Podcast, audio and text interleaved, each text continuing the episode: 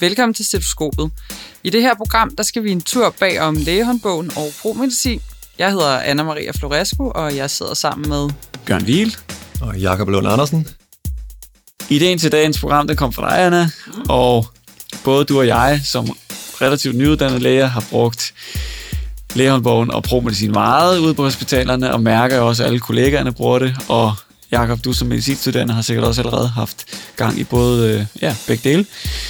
Men man ved måske ikke så meget om de her opslagsværker. Øh, Leonbogen, der har man måske en fornemmelse af, at den ligger inde på sundhed.dk, så det må nok komme fra, fra officielt sted af, men, men hvem laver egentlig promedicin for eksempel? Jamen altså, det, det er rigtigt, som, som, som medicinstuderende, du nævnte, der bruger man også øh, de her værktøjer, selvom jeg vil sige, at man bliver overrasket over, hvor tit man egentlig ender på, på hestenettet.dk for, finde, for at finde det rigtige svar. Ikke? Men dem kan vi så måske ikke rigtig lige lave det her program om. Det er ikke helt oplagt at interviewe dem, men... Nej. Nej, det er ikke helt oplagt at interviewe dem. Jamen, dagens første gæst er Hans Christian Kelsen, som er chefredaktør på Lægehåndbogen. Og dagens anden gæst er Louise Trane, som er informationsfarmaceut øh, inde ved ProMedicin. Og vi starter med lægehåndbogen. Jeg hedder Hans Christian Kjeldsen, og jeg er hvad hedder det, praktiserende læge og chefredaktør på Lægehåndbogen. Jeg er tre dage om ugen i Greno, hvor jeg har en praksis sammen med to gode venner, gamle studiekammerater. Øh, og så er jeg to dage om ugen ansat som chefredaktør på Lægehåndbogen med sådan udgangspunkt i København, og bor i Aarhus og pendler sådan lidt frem og tilbage til både Greno og, og hvad hedder det, København. Og at arbejdet på, på Lægehåndbogen, hvordan fungerer det? Er, det? er der et kontor, hvor du møder op og ligesom er sådan en chefredaktør, som man kender fra en avis, eller hvordan? Ja, man har selvfølgelig nok sådan nogle billeder af, hvordan sådan, det er nok mest fra amerikanske filmer. men, altså, så nej, jo, vi, vi bor øh, i lægeforeningen. Det, det er sådan, at øh, da lægeforeningen, eller hvad, da lægehåndbogen kom til Danmark i 2008, så blev den købt af danske regioner, og så var der forskellige, der kunne byde ind på, hvem vil så øh, drifte den her. Hvem vil gøre den til dansk version, og hvem vil drifte den fremover. Og så var der forskellige, der bød ind, og der var det så lægeforeningen, der fik opgaven. som man kan sige øh, af, af mange gode grunde selvfølgelig. Så derfor kan man sige, at den daglige drift sker i lægeforeningen inde i, øh, hvad hedder det, Domus Medica, inde, ved, inde på Østerbro. Okay. Og vi sidder så, og hvilket også er meget naturligt, øh, på samme gang som ugerefererer. Så man kan sige, okay. vi, vi sidder op under taget øh, en lang gang, hvor der så sidder ja, journalister og, og, og så vores sekretariat, som består af fem fastansatte, øh, to HK og, og tre hvad hedder det med andre uddannelser, primært sygeplejerske, to sygeplejersker og en med en anden faglighed. Øh, så man kan sige, man er akademiker. Okay. Øh, så, så, så det er, hvad hedder det, det, det er den daglige drift, og ja og når jeg er derovre, så jamen, øh, vi samler sådan cirka en gang om ugen til almindelig redaktionsmøde med ting, der kommer ind, har lige været til sådan lidt nu her. Øh, og det foregår enten over ved dem, øh, når jeg kommer over. Og hvis jeg ikke har andre møder i København, øh, så vil jeg typisk gøre det for Aarhus. Hvordan er du kommet til at arbejde med lægehåndbogen? Hvordan er du blevet engageret i, i lægehåndbogen? Ja. Jamen, det har egentlig... Vi skal langt tilbage nu. vi skal helt tilbage til næsten, næsten sidste årtusind. Nej, hvad hedder det? Øh, da jeg var blevet færdig som læge, gjorde jeg i 97, så ret hurtigt efter det var jeg en overarbejde, og en af de gange, jeg var deroppe i 2001, tror jeg det var, øh, der, øh, der stiftede jeg bekendtskab med Niel, som er den norske elektroniske lægehåndbog, den vores øh, lægehåndbog, øh, kan man sige, bygger på, øh, startede med at være, og så udviklede sig videre ud fra.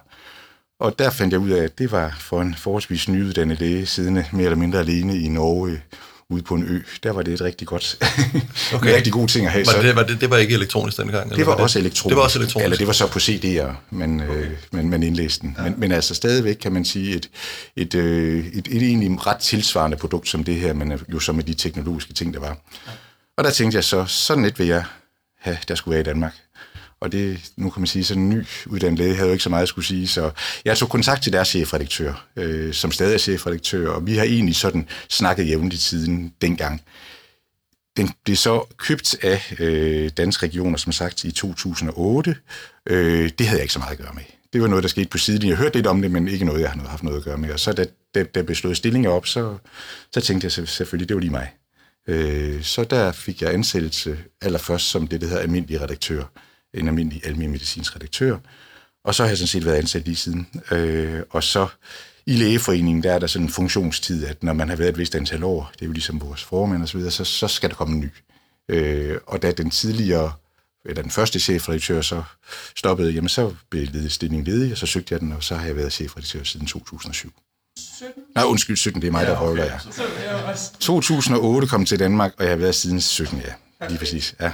Hvor mange, øh, hvor mange brugere er der egentlig om dagen, ved du det? det er sådan... I de sidste sådan nogenlunde valide tal, jeg havde på det, der var der sådan cirka på, øh, hvis vi nu snakker unikke brugere, altså det vil sige folk, der har været inde og kigge en gang eller, eller flere på en måned. Det vil sige, hvis du er inde og kigge 20 gange, så tæller du kun en. Ja, okay. øh, så unikke brugere, der lå det samlede tal for læge- og patienthåndbogen, tror jeg, på omkring 600.000 øh, øh, på en almindelig måned. 600.000. Jeg tror, det er nogenlunde din tal.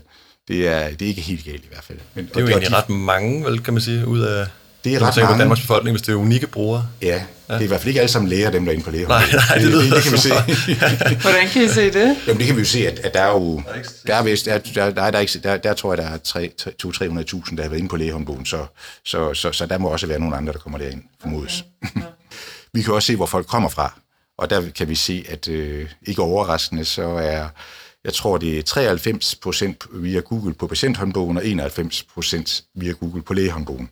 Okay. Hvilket jo også giver en vis indikation om, hvem der kommer ind. Jeg ved også godt, der er fagprofessionelle, der, der søger via Google, det er med på, men, men, men der, vi må også formode, at der er mange, der, der frisøger, og, ja. og, og, og så kommer derind. Ja. Hvem skriver så ellers for lægehåndbogen?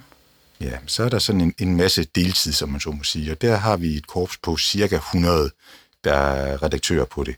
Og det er jo dem, I sådan ser nederst på artiklerne. Ja, når, øh, når I læser noget, så vil I typisk se, der står mindst to nedenunder. Mm. Alle artikler er gennemgået af en, det vi kalder en fagspecialist, og det betyder bare, at det er en speciallæge, som ikke er almindelig mediciner. Okay. Og så en almindelig mediciner. Ja. Så, en, øh, så alle artikler har den kombination? Den har, alle har den kombination. Øh, vi har cirka øh, par 90 fagspecialister, altså som kunne være alt fra en psykiater, kardiolog, neurolog. Øh, og så har vi i øjeblikket syv almindelige mediciner, mener jeg det er, som jo så øh, fagner lidt bredere. Og, og flowet, hvis vi hører, hvordan det sådan, det vil jeg gerne høre. Spændende. så, så man kan sige, altså det, det der sker, det er, at vi har jo de her mange artikler, cirka 5.000 øh, sider svarende til, øh, Altså hvis man printede ud som er fire sider. Så der, der har vi det, og, og, og det, hvad hedder det, når vi så øh, skal have opdateret det, så styrer sekretariatet, de to, vores to sekretærer, jamen de sender sådan en, en pulje af artikler, det kan være 20-25 artikler ud til fagspecialisten, og så siger de, nu er det tid.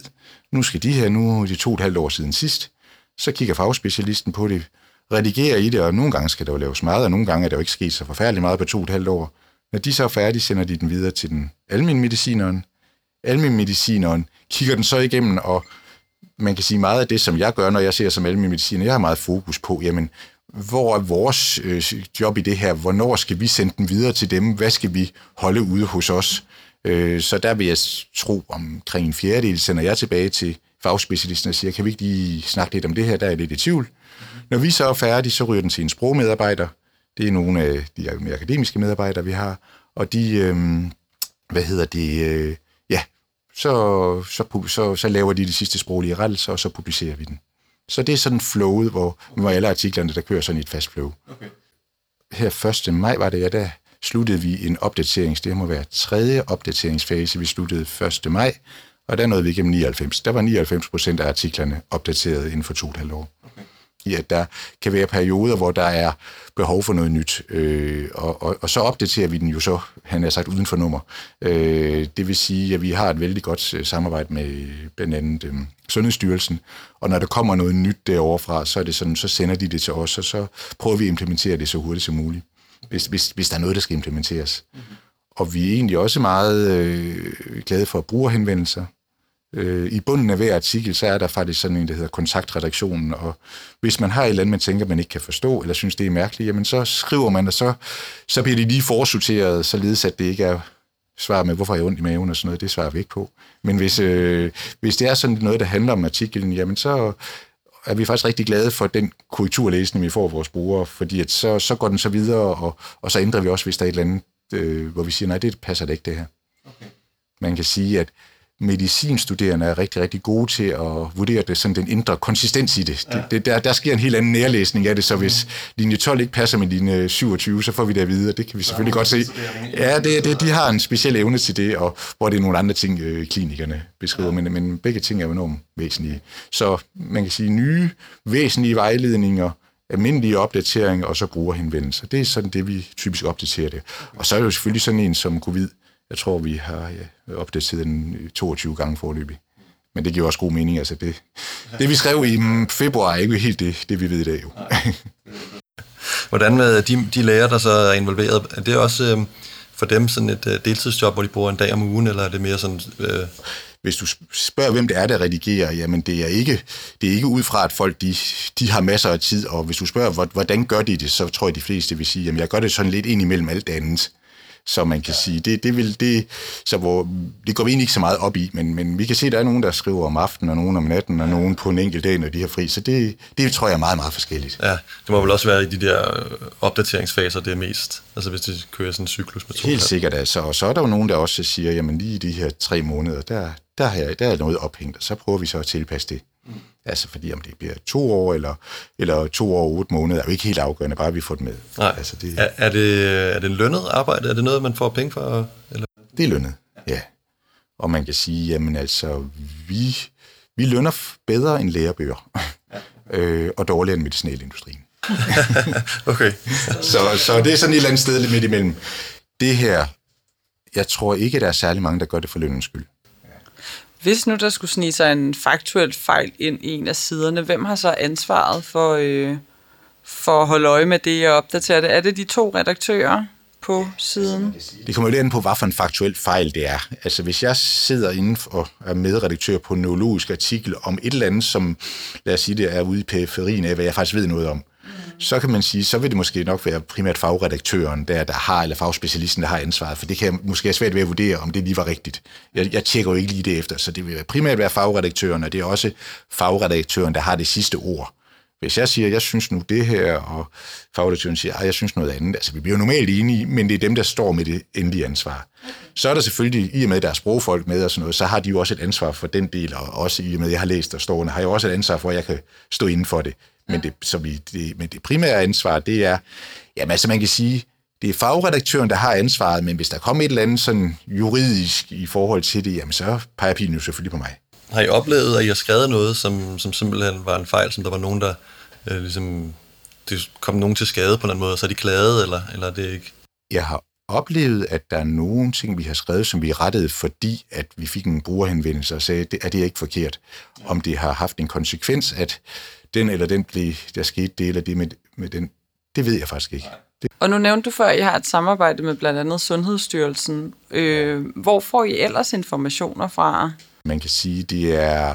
Vi har jo, kan man sige, alle, øh, alle de steder, hvor man ellers får informationer fra. Det, det, og det, man kan sige, hvis vi siger helt overordnet, Sundhedsstyrelsen, øh, DSM øh, arbejder vi jo tæt sammen med deres vejledninger. Øh, det er Dansk Selskab for Almen Medicin. I og med, at det, det er faktisk, altså, det har vi jo egentlig ikke snakket om, men altså, da den blev købt og i formålsparagrafen, så er den primært for praktiserende læger. Okay. Det er egentlig det, der er formålet med den. Okay. Altså det vi jo ved, og det vi også øh, kan høre fra vores fagredaktører og andre, det er, altså vi ved, at, at niveauet, øh, det er jo sådan, at hvis du spørger en af vores fagredaktører, så vil de sige, jamen inden for mit felt, der er det egentlig meget godt, indtil man bliver speciallæge så, så, er der ikke, så er det ikke godt nok mere, så mangler der noget. Men det er hammerne godt inden for alle de andre specialer. Okay.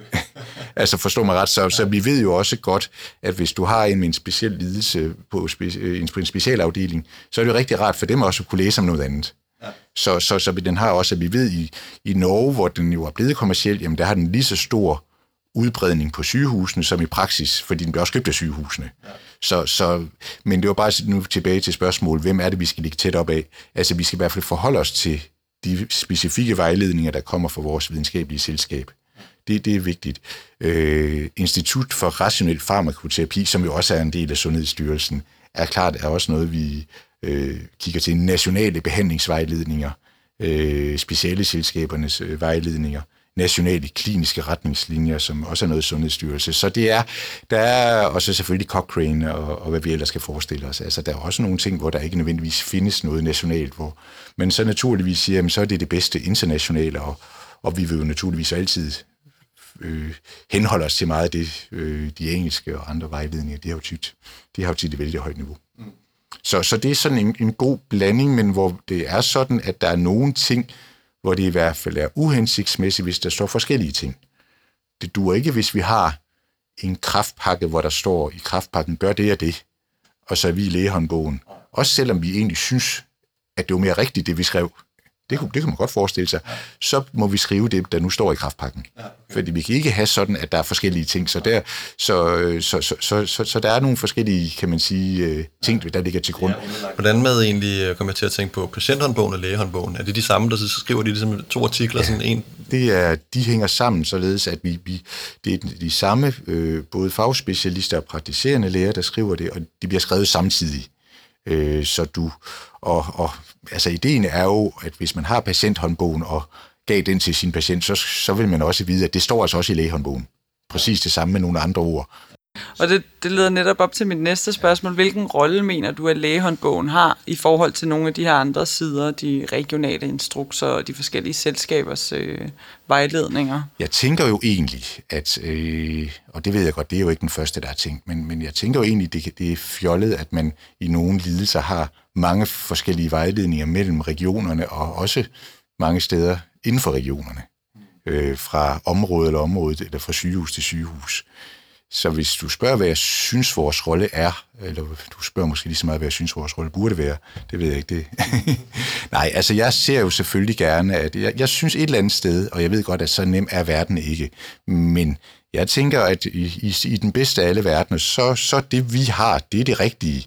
Og hvis vi nu ser inden for øh, almen praksis, jamen altså, jeg ved, der er nogen, også mine kollegaer, det er sådan, der er, der er næst, næsten hvert, eller alle regioner har sådan nogle lokale instrukser. Hvad gør du, når du skal have en ind, for eksempel, der skal have en abort? Hvad gør du så? Så skal du huske at gøre det og det, og så skal du ringe til det nummer, der sender den derhen. Der er i den bedste af alle verdener, der havde jeg sagt, så skulle, skulle man nøjes med at sige, jamen, du skal ringe derhen, og, og det er det sygehus. Og, og så skulle det egentlig gerne stå så tydeligt i vores, at, at det andet var vores. Ja. Øh, også så der ikke er sådan. Det, det er sådan i det store perspektiv. Det, det kunne jeg godt tænke mig, og det, det er jo så det speciale, jeg kender noget bedst til. Og der vil formentlig være lignende, eller det ved jeg inden for andre specialer.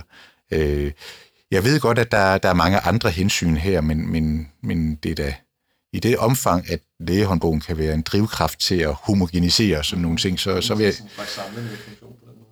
det er da i hvert fald det bedste bud på det, og, og du spørger nok ikke en, der er fuldstændig objektiv, når du spørger, om lægehåndbogen er det bedste sted, så det, det, ved det, det, det erkender jeg, men, men, men, men, men, men alligevel, altså jeg, jeg kan ikke se nogen, der, der sagt, skulle kunne løfte den opgave bedre end vores. Og, hvis vi, og vores opgave er jo selvfølgelig hele tiden at sørge for, at vi så får nogle af de gode folk inden for specialerne, altså der er nogenlunde synkroniseret. Altså det er jo fair nok, hvis vi, hvis speciale, de fleste læger inden for det speciale og øh, speciale selskabet siger, at det er sådan her, vi gør, og så vi ansætter en eller anden lidt perifer, der siger, nej, nej, vi gør sådan her, så er det klart, så har vi et problem. Mm. Altså, så kan vi jo ikke bare sige, at så er det også... Så, så, så det handler jo også om at få de rigtige folk, der repræsenterer specialet.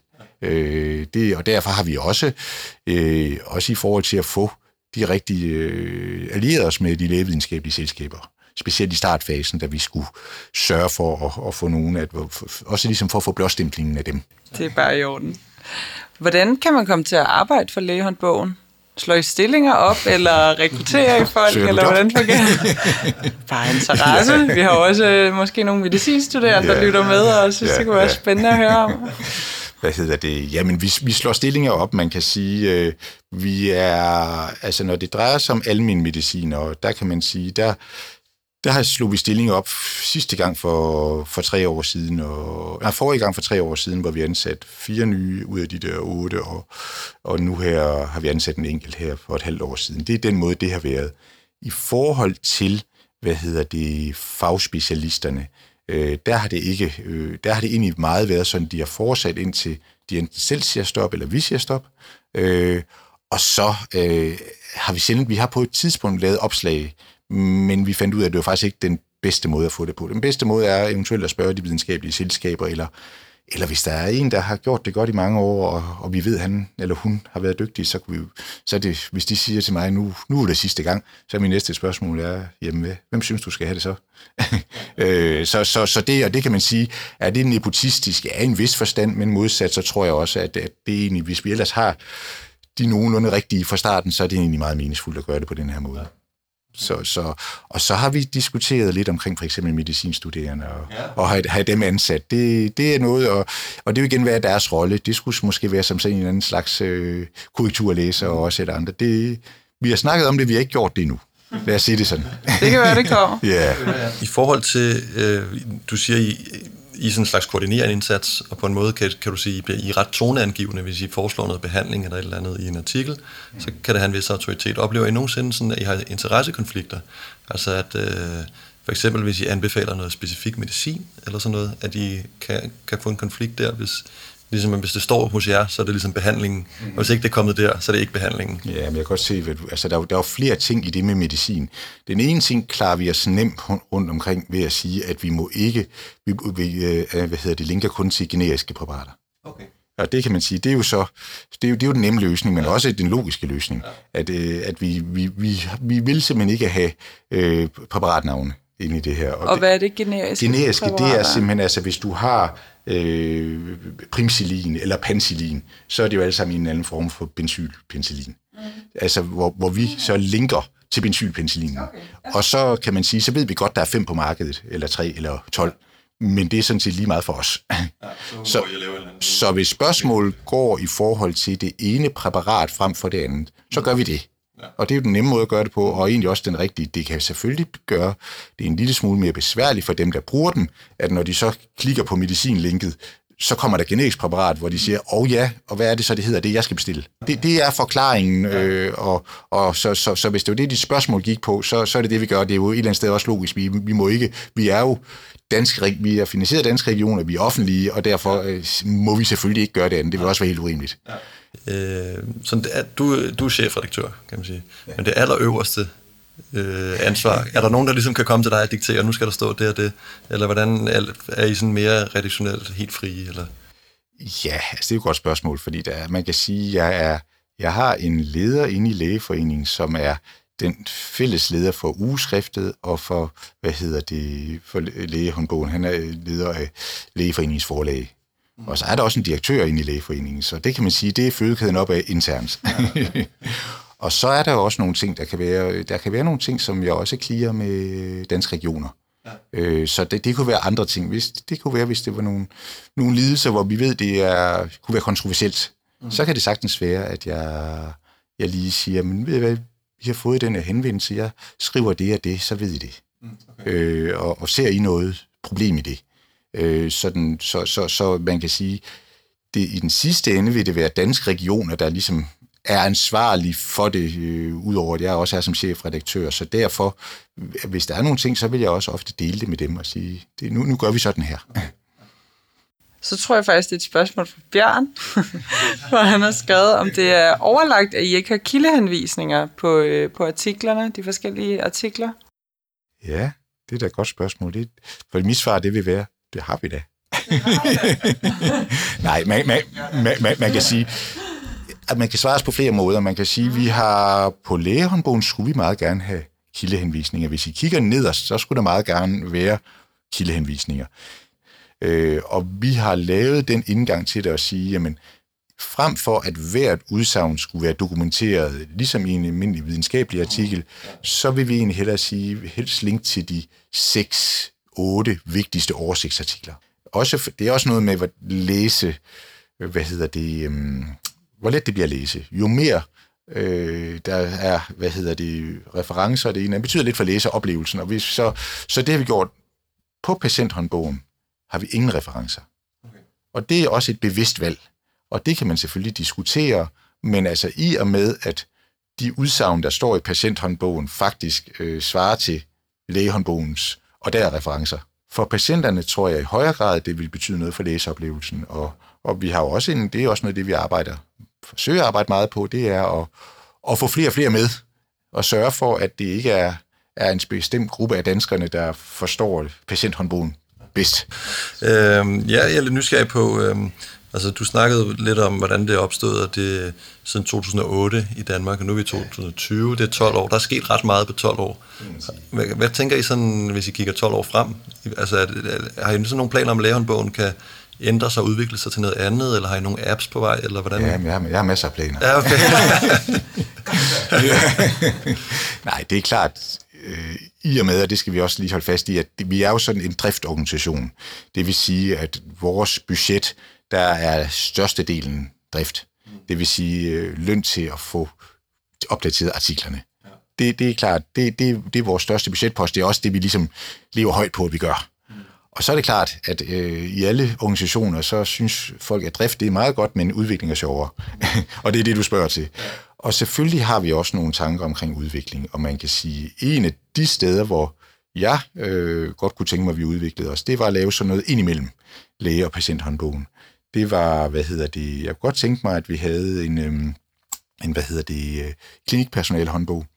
Øh, nu snakker vi igen i praksis, hvor vi ved, at der er det er ikke så mange praktiserende læger, som der er behov for, og klinikpersonalet overtager mere og mere, øh, typisk under supervision af lægen, af det arbejde, der er. Jamen, klinikpersonale er den, det personale, der hjælper i lægens klinik. Og hvem er det så? Det er i høj grad sygeplejersker. Men det kan også være andre fagligheder. Der er nogen, der har forskellige andre. Altså, vi har, vi har søvnterapeuter og hvad hedder det, fysioterapeut øh, ansat hos os blandt andet. Det er klart, at der kan man sige, hvad skal de så læse? Øh, patienthåndbogen er det nok lidt for, for simpelt, og lægehåndbogen det er nogle gange lidt for kompliceret, så der er et stort rum for at lave noget indimellem. Og hvis I kigger i lægehåndbogen, kan I faktisk se, at der er lavet sådan 10-15 prøveartikler i starten, som vi har udviklet til klinikpersonale øh, som egentlig rammer, det kan det også være meget sjovt at se, hvordan de er i forhold til jeres faglighed. Ja, ja. øh, og det, så, så det tænker jeg faktisk, øh, der er også en politisk øh, vilje og en politisk intention om, at, at klinikpersonale skal tage med, så der, det er en af mine mm. visioner, når man skal sådan hele tiden snakke om overgange. Vi har, når patienterne eller borgerne læser artikler, så en central del af det, det er, hvad kan jeg selv gøre, hvornår skal jeg kontakte lægen? Det, det skulle gerne fremgå. Når de praktiserende læger læser en artikel, så skulle det gerne være centralt. Hvad kan jeg selv gøre? Hvornår skal jeg sende den videre? Når klinikpersonalet læser en artikel, så skal det gerne fremgå, hvornår kan jeg håndtere det her? Hvornår skal min læge vide noget om det? Altså den praktiserende læge. Jeg tænker også, at vi har en platform, som fungerer, og han har sagt, hvorfor så ikke fungerer i mange andre sammenhænge. Mm. Øh, jeg kunne godt, hvis jeg sådan tænker meget langt, og jeg er heller ikke den første, der har tænkt den tanke, jeg kunne da godt tænke, at der var en speciallægehåndbog øh, bygget op på vores måde. At de enkelte specialer faktisk også havde vores opbygning, men selvfølgelig bare med, med deres ting øh, inde på lignende måde.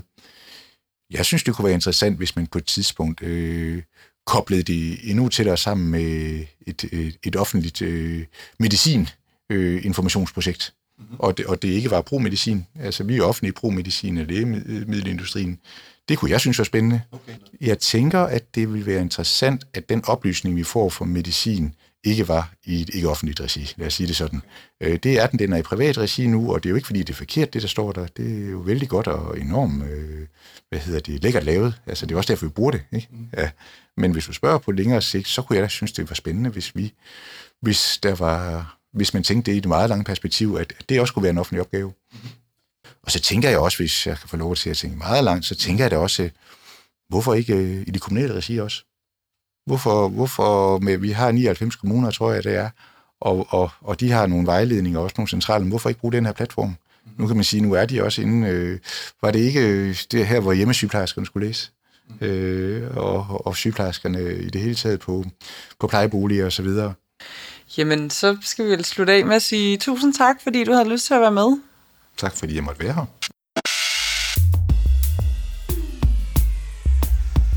Fra lægehåndbogen går vi videre til promedicin.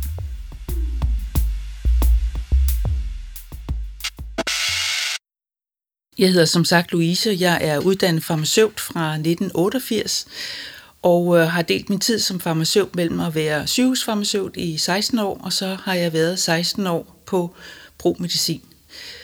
Øh, på ProMedicin, der øh, blev jeg faktisk ansat til at lave bøger. Det hed Lægemiddelkataloget dengang. En stor, øh, tung, grøn mobbedreng. Og så var der en øh, kittelbog, som hed Medicinfortegnelsen, og øh, den kom også over til os.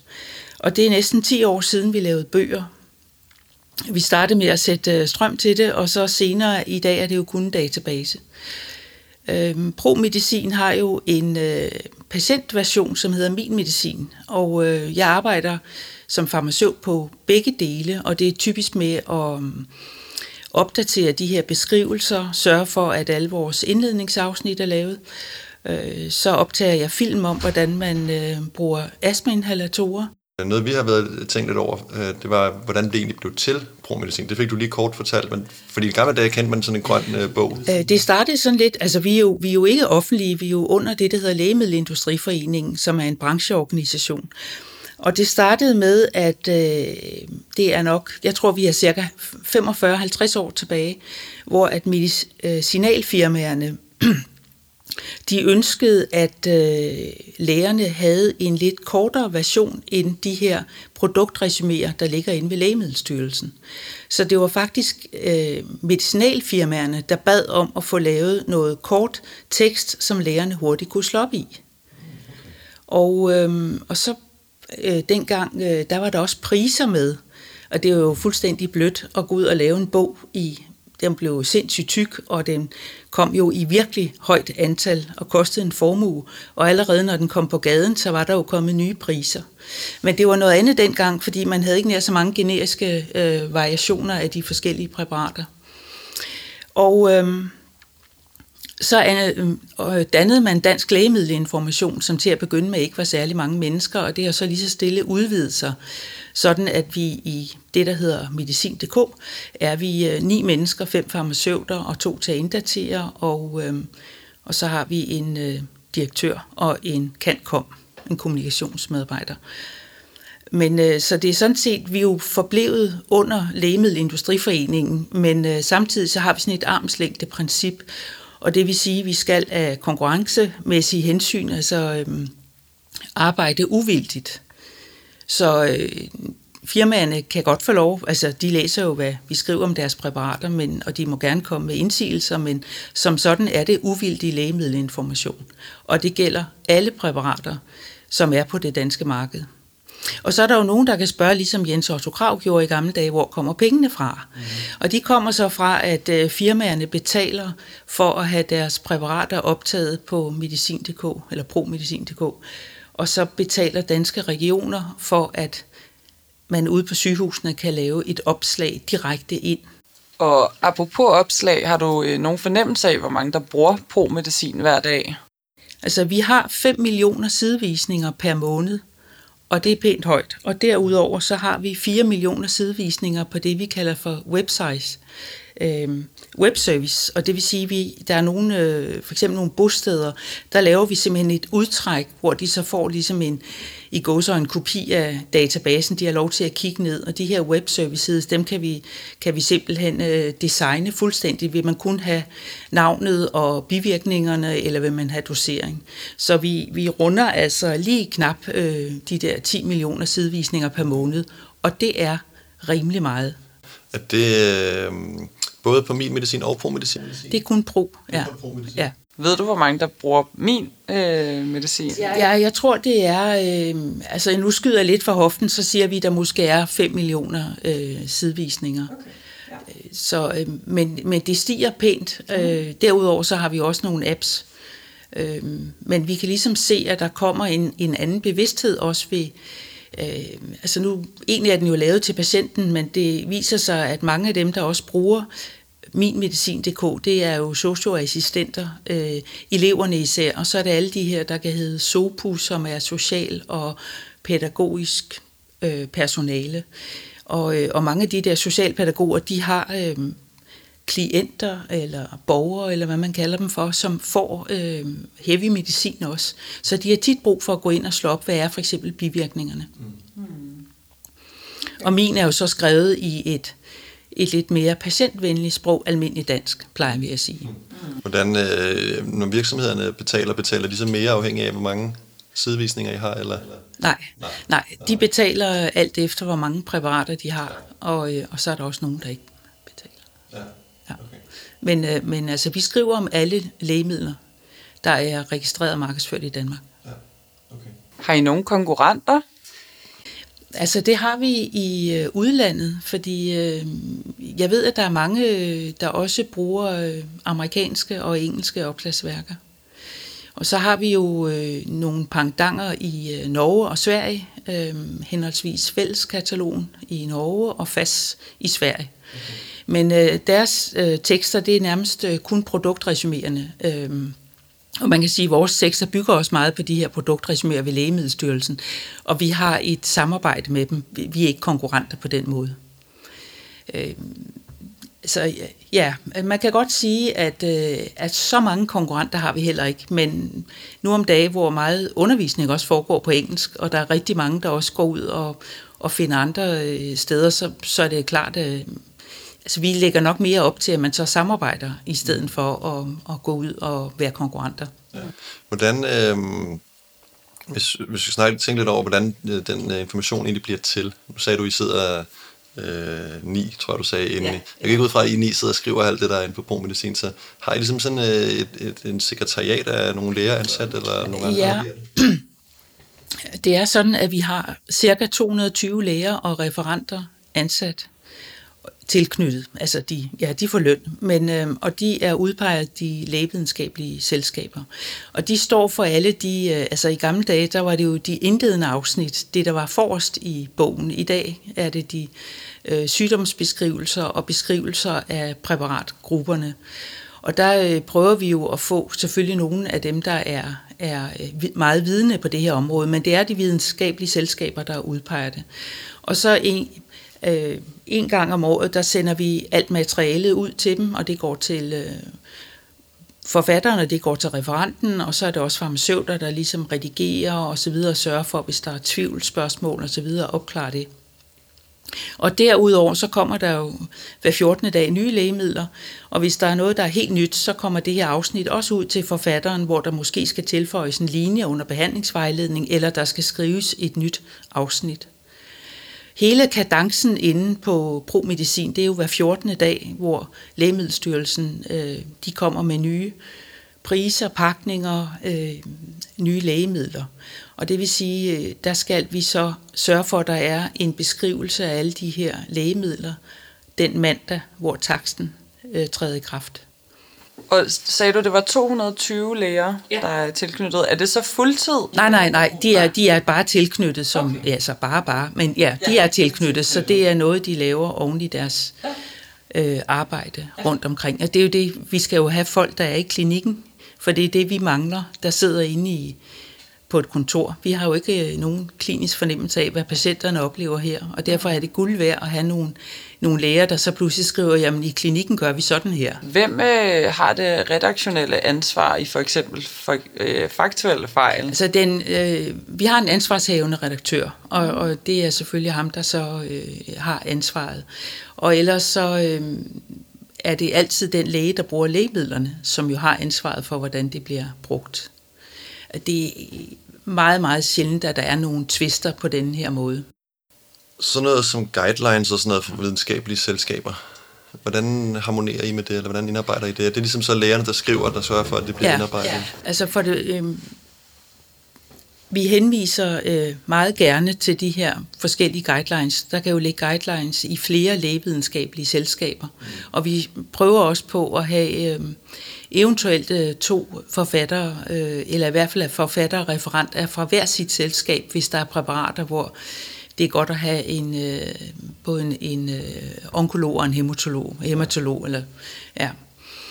Så, øh, og der er også, altså, øh, der kan være, især sådan inden for det mikrobielle område, ja. altså der kan være lidt øh, variation i, hvordan man bruger øh, de forskellige øh, lægemidler.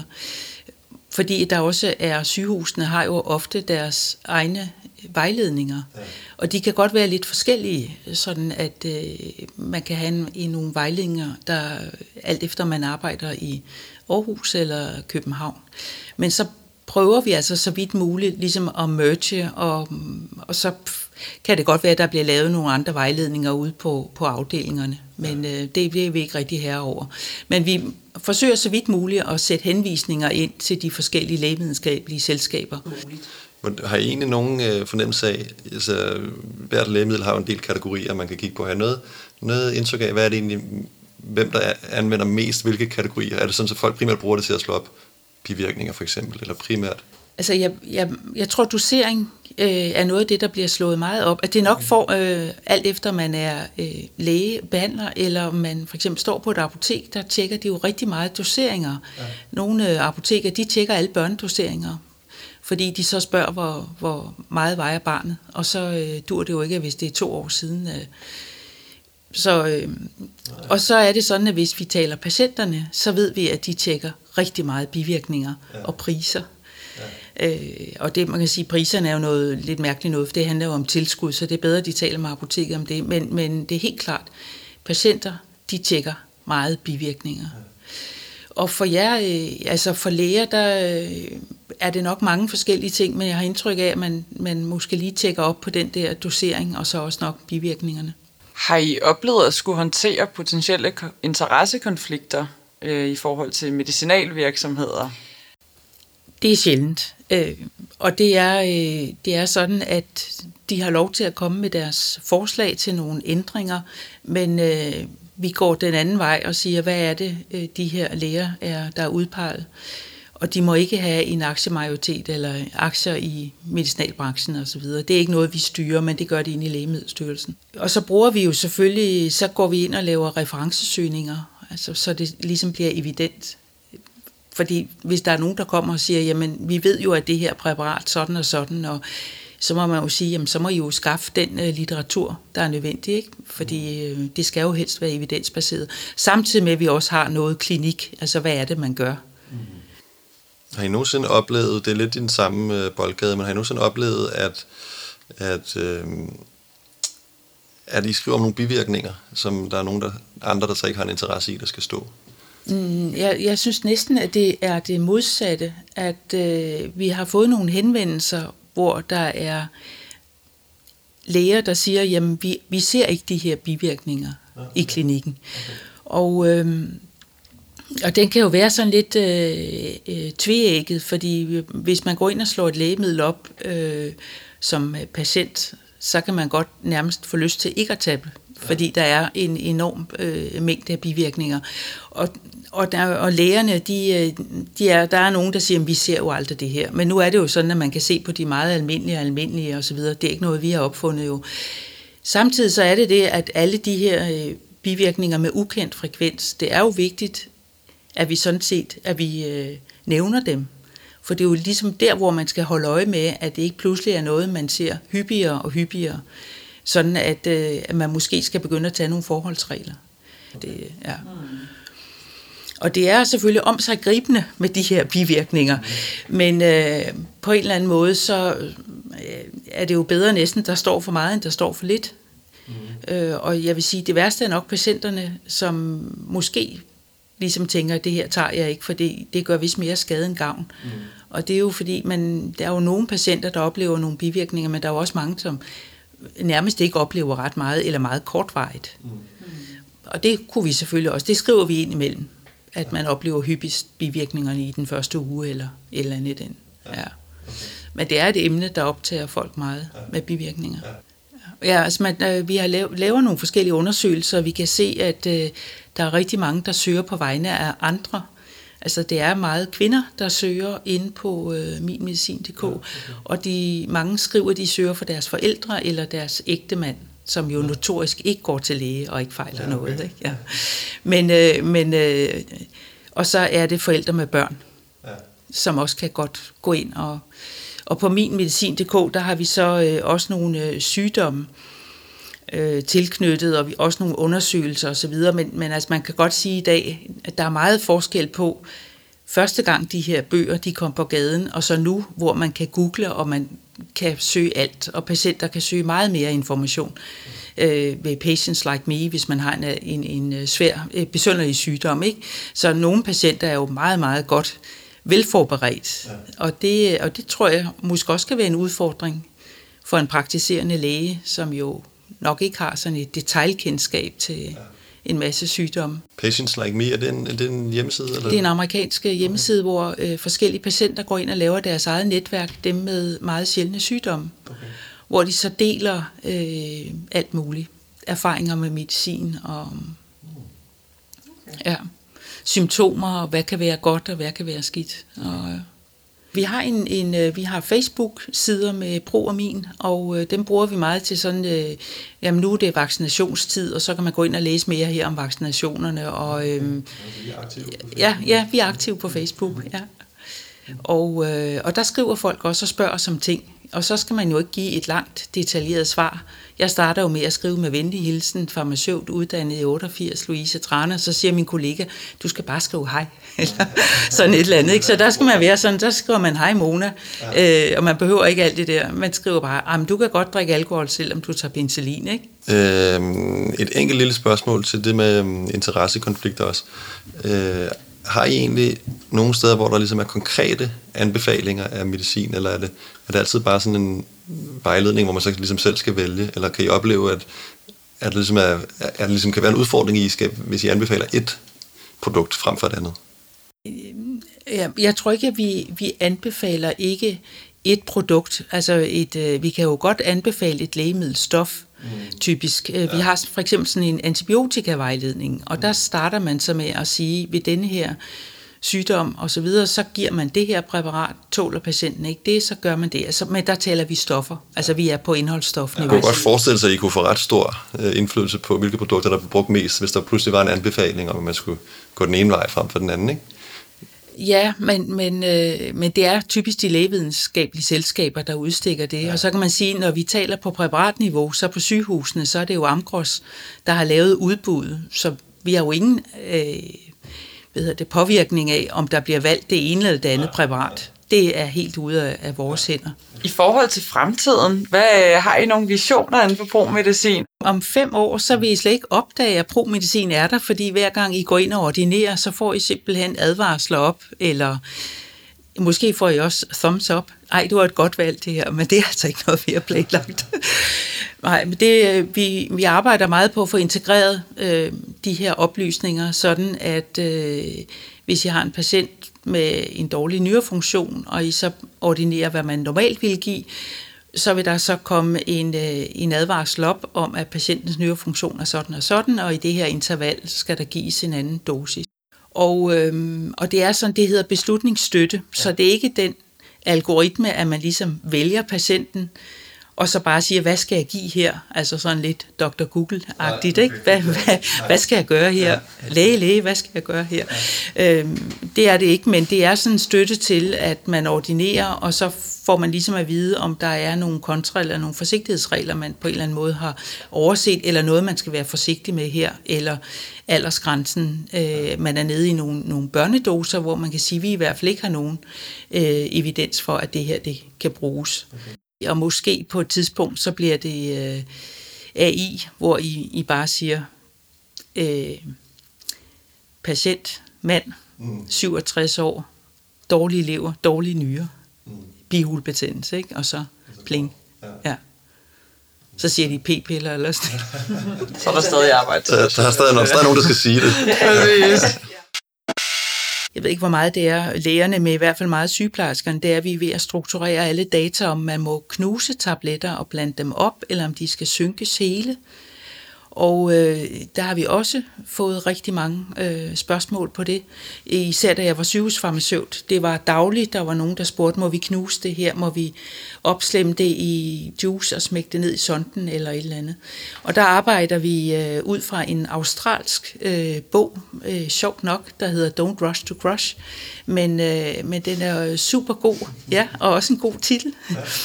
Rigtig god tid. Ja, og den har jeg fået anbefalet af en engelsk farmaceut.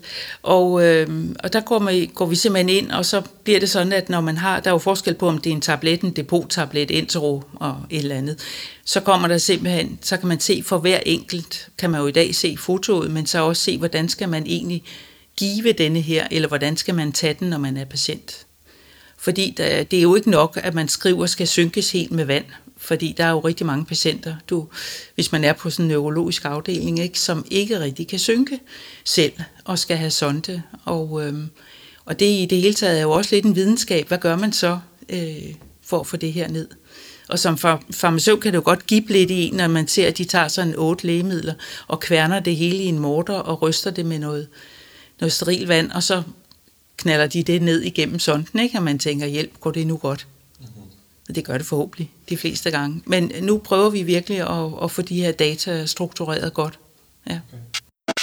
Stort tak til Hans Christian Kelsen og Louise Trane for at være med i det her program. Vi lyttes ved om 14 dage. Farvel og tak for i dag.